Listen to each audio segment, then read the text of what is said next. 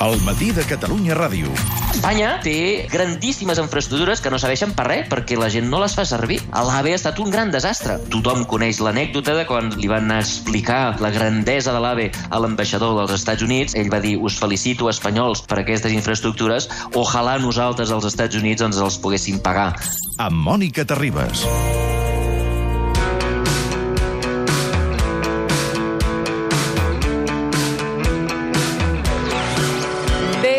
Des d'aquesta setmana els bancs ja paguen l'impost d'actes jurídics documentats quan es firma una hipoteca. El govern espanyol ha canviat la llei que el regulava. modificar la ley que regula el impuesto sobre transmisiones patrimoniales y actos jurídicos documentados para que sea, insisto, la banca y nunca más el cliente quien pague este impuesto. I l'executiu de Pedro Sánchez demana als bancs que no traslladin al client el nou cost que assumeixen encarint les hipoteques. Tot plegat passa després que el Suprem es fiqués en aquell embolic jurídic sense precedents, congelant i revertint una sentència ferma que obligava els bancs a pagar eh, l'impost cosa que al final s'ha encarregat de blindar jurídicament al govern. Professors Xavier Sala i Martín, molt bon dia. Hola, molt bon dia. Com Com? anem? Mm, bé, bé, bé, bé, bé. Intentant entendre uh, un munt de coses alhora, perquè passen moltes de coses. Però uh, Xavier Sala i Martín, Pedro Sánchez i el seu govern espera que els bancs no traslladin el cost de l'impost de les hipoteques als seus clients. Evidentment, ara d'entrada han dit que, que ells no ho tenen previst, però sembla difícil, no?, que assumim ells assumeixin el, el sobrecost i el restin del marge de beneficis? A veure, el, el, el Pedro Sánchez i el seu govern, diguem, tenen un problema i és que no, no, no, no, estudia, no han estudiat economia. Una de les lliçons que ensenyem a, les facultats d'economia és que els impostos no els paga qui diu uh, la llei, sinó qui diuen els mercats. Eh? Uh, qui acabarà pagant no decidirà ni la banca, ni el Pedro Sánchez, ni els clients, sinó els mercats. Què vull dir amb això? A veure, deixem posar un exemple uh, uh, simple amb, amb, amb les carxofes. Eh? Imagina't Sí. que una carxofa val un euro i que el govern posa un impost de 10 cèntims sobre la carxofa, sobre cada carxofa, i el govern, a més, diu que aquest impost el pagarà el banc, ai, perdó, el pagarà el productor de carxofes, eh? Mm. el, el venedor. Mm. Uh, bé, uh, a veure, com, com, que, què, què passarà a partir d'ara? Doncs bé, poden passar tres coses. Primera, que el venedor digui, doncs escolta'm, en lloc de que la carxofa valgui un euro, valdrà, valdrà un euro i deu cèntims. Si fa això, fixa't que encara que la llei digui que qui abonarà l'impost és el venedor, el qui el paga és el consumidor, perquè abans de l'impost el consumidor pagava un euro, ara paga 1,10, per tant paga 10 més.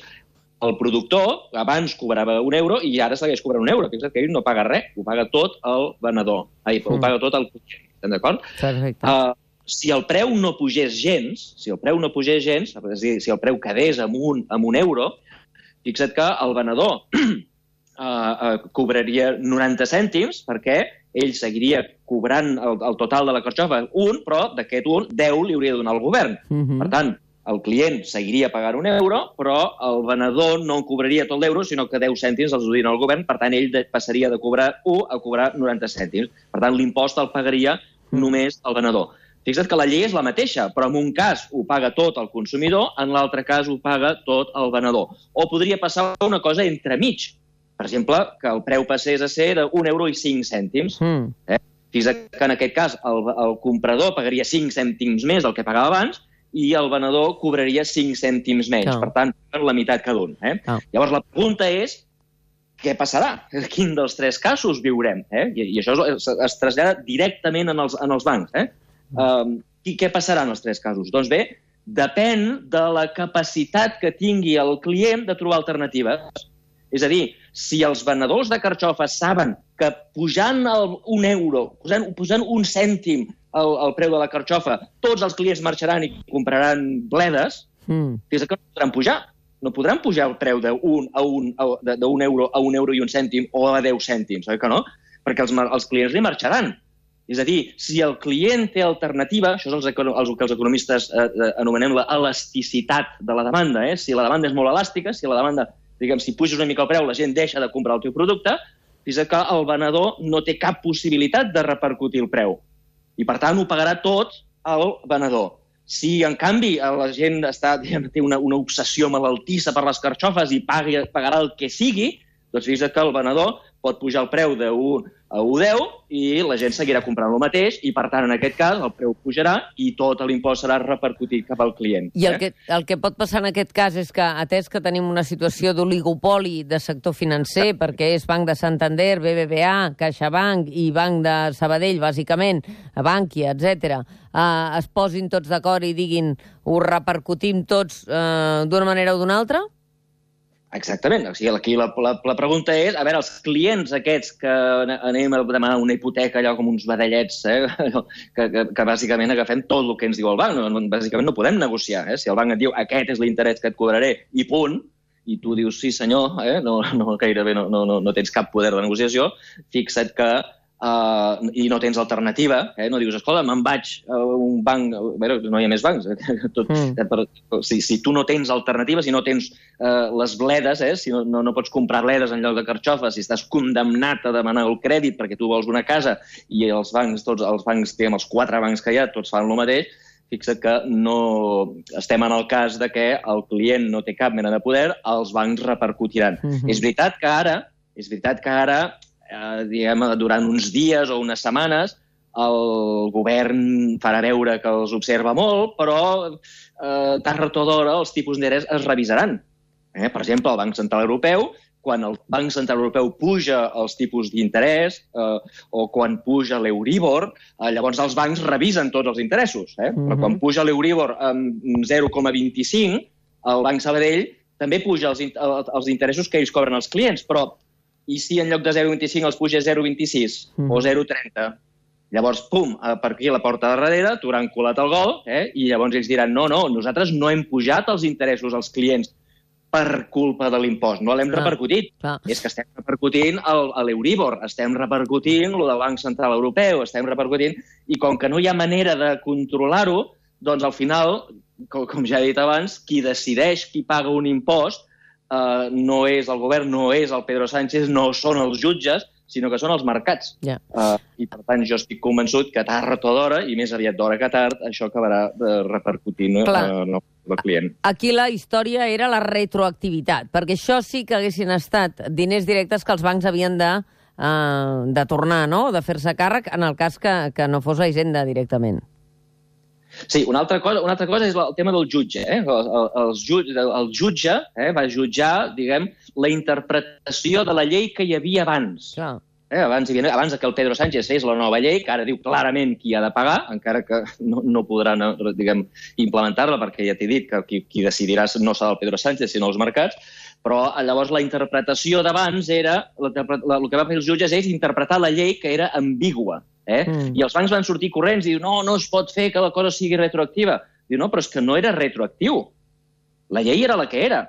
Van ser vostès, senyors bancs, que unilateralment van interpretar que la llei deia que havien de pagar els clients, Mm. i vostès sense preguntar i sense consultar. Jo en aquest període em vaig comprar una casa i, escolta'm, a, a mi ningú em va preguntar si jo creia que pagava, havia de pagar jo o havia, o havia de pagar el banc. No, no, el banc va dir paga vostè i punt. I, i, i, i espavilis.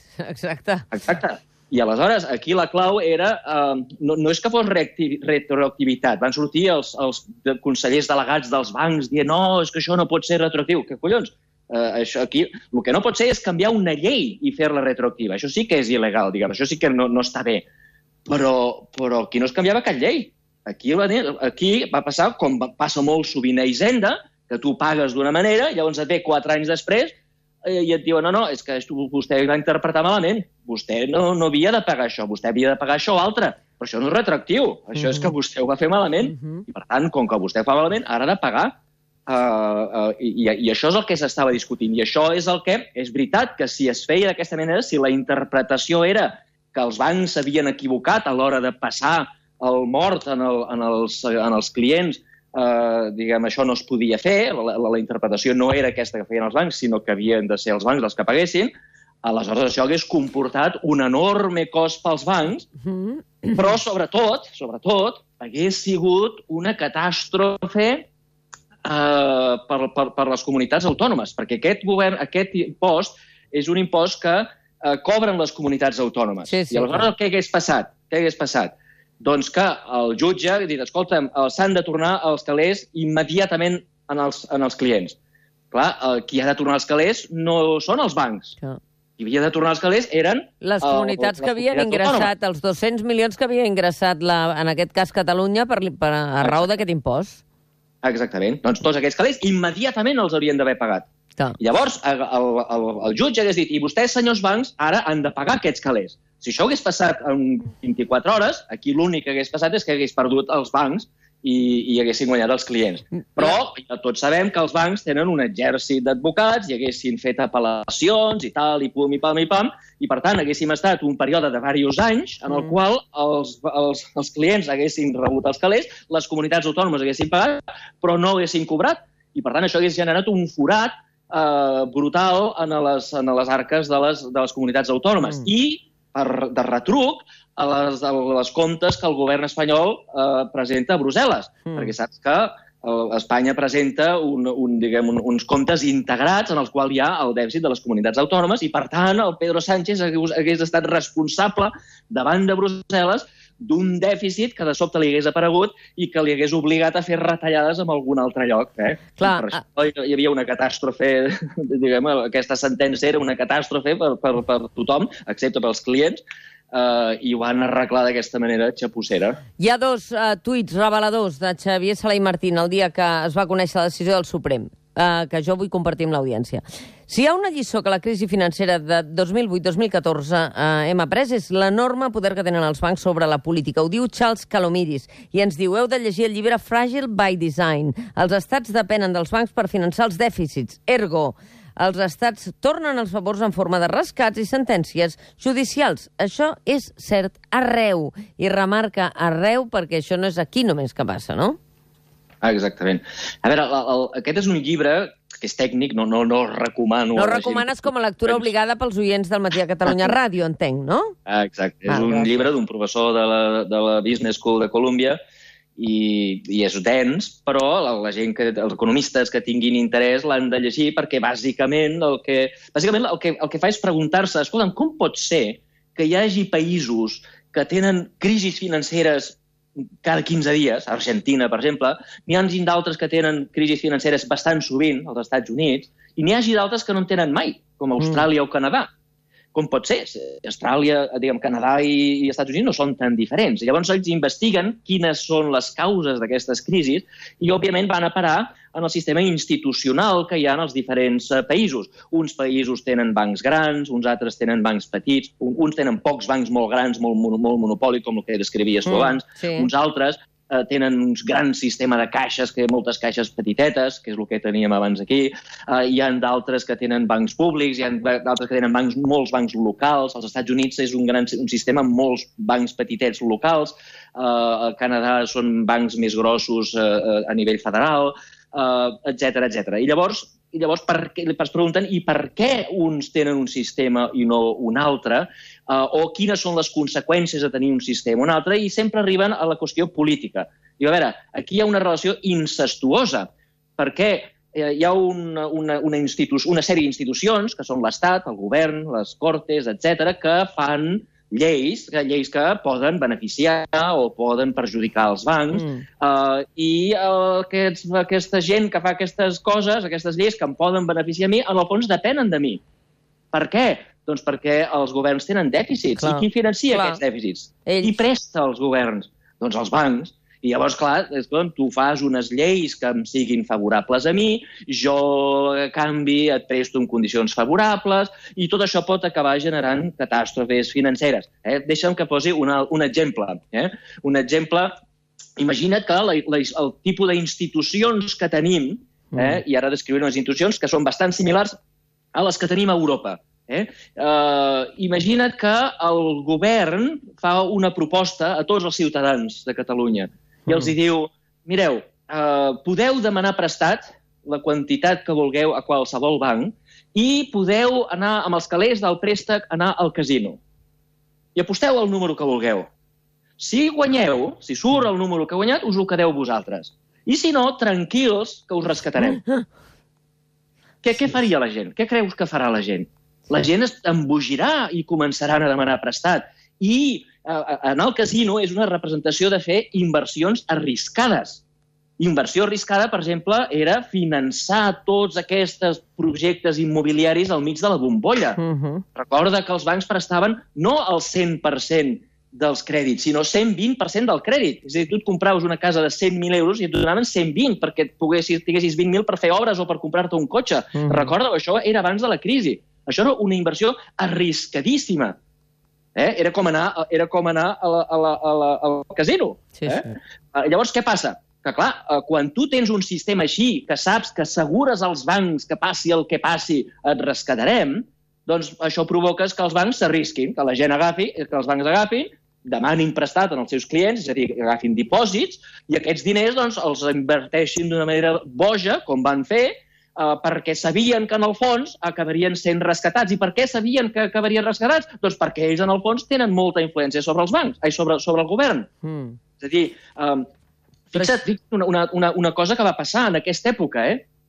Uh, recorda que l'única reforma de la Constitució que s'ha fet a Espanya, Mm. eh? recorda, eh, és una... És l'article l'article 135. 135. És l'article Per complir el 135. dèficit que li deia a Europa.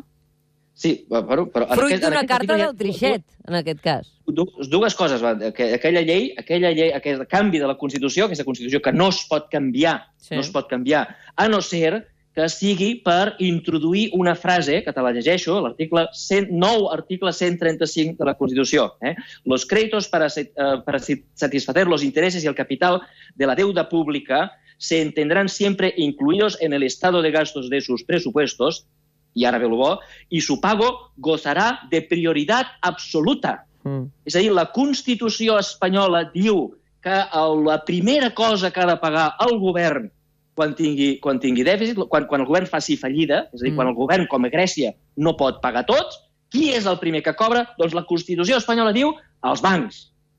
I això ho van canviar al mig de la crisi, quan, quan hi havia Sí, sí, perill de que Espanya no pogués pagar. Recorda que era, semblava sí. que Espanya podia ser intervinguda, que tindria, eh, que, que, que, que podria fer fallida. Fallida no, no vol dir que, que ha de tancar, però sí que, que, que no pot pagar-ho a tot, no pot pagar a tothom. Llavors, quan tu no pots pagar a tothom, es fa una prioritat. Eh? Aquest cobra primer, aquest segon, aquest tercer. Doncs la Constitució, la reforma de la Constitució va ser per introduir aquesta frase. Mm -hmm.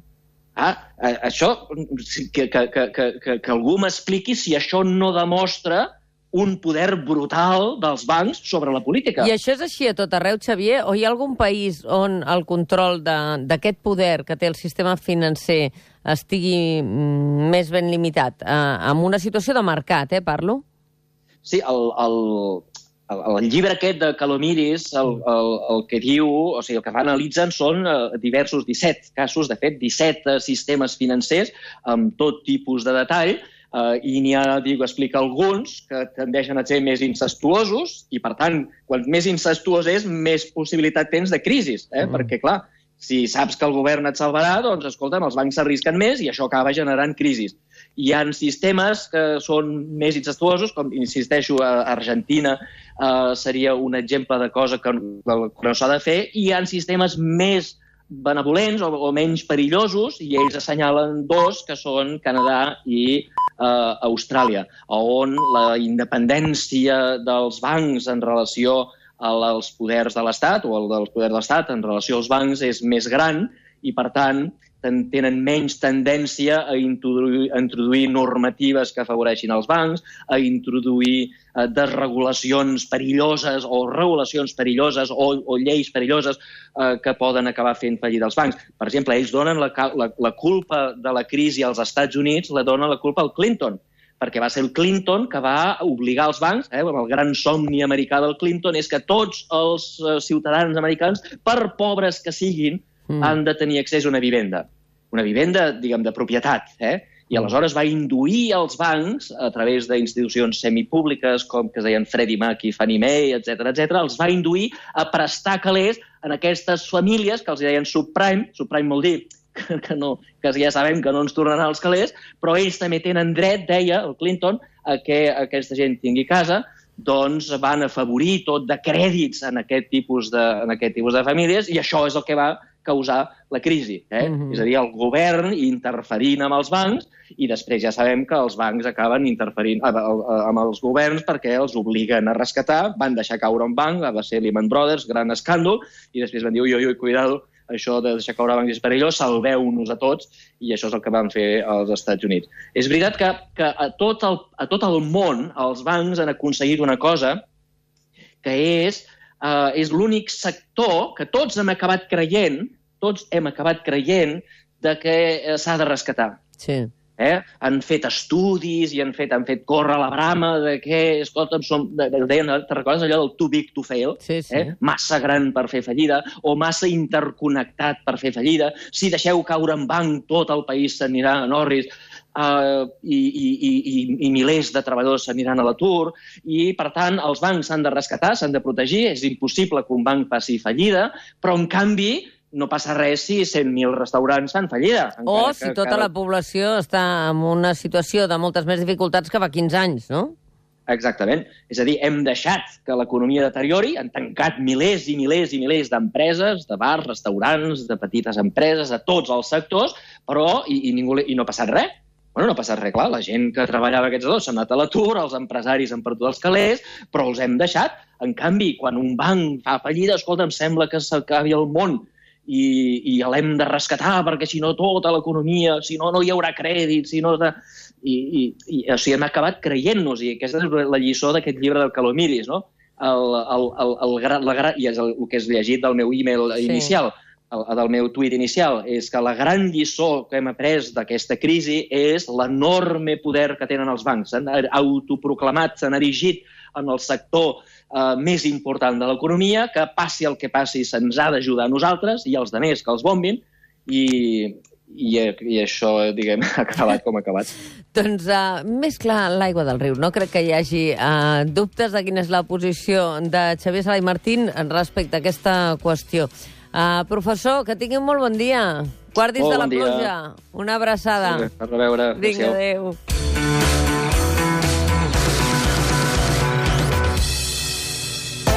Catalunya Ràdio.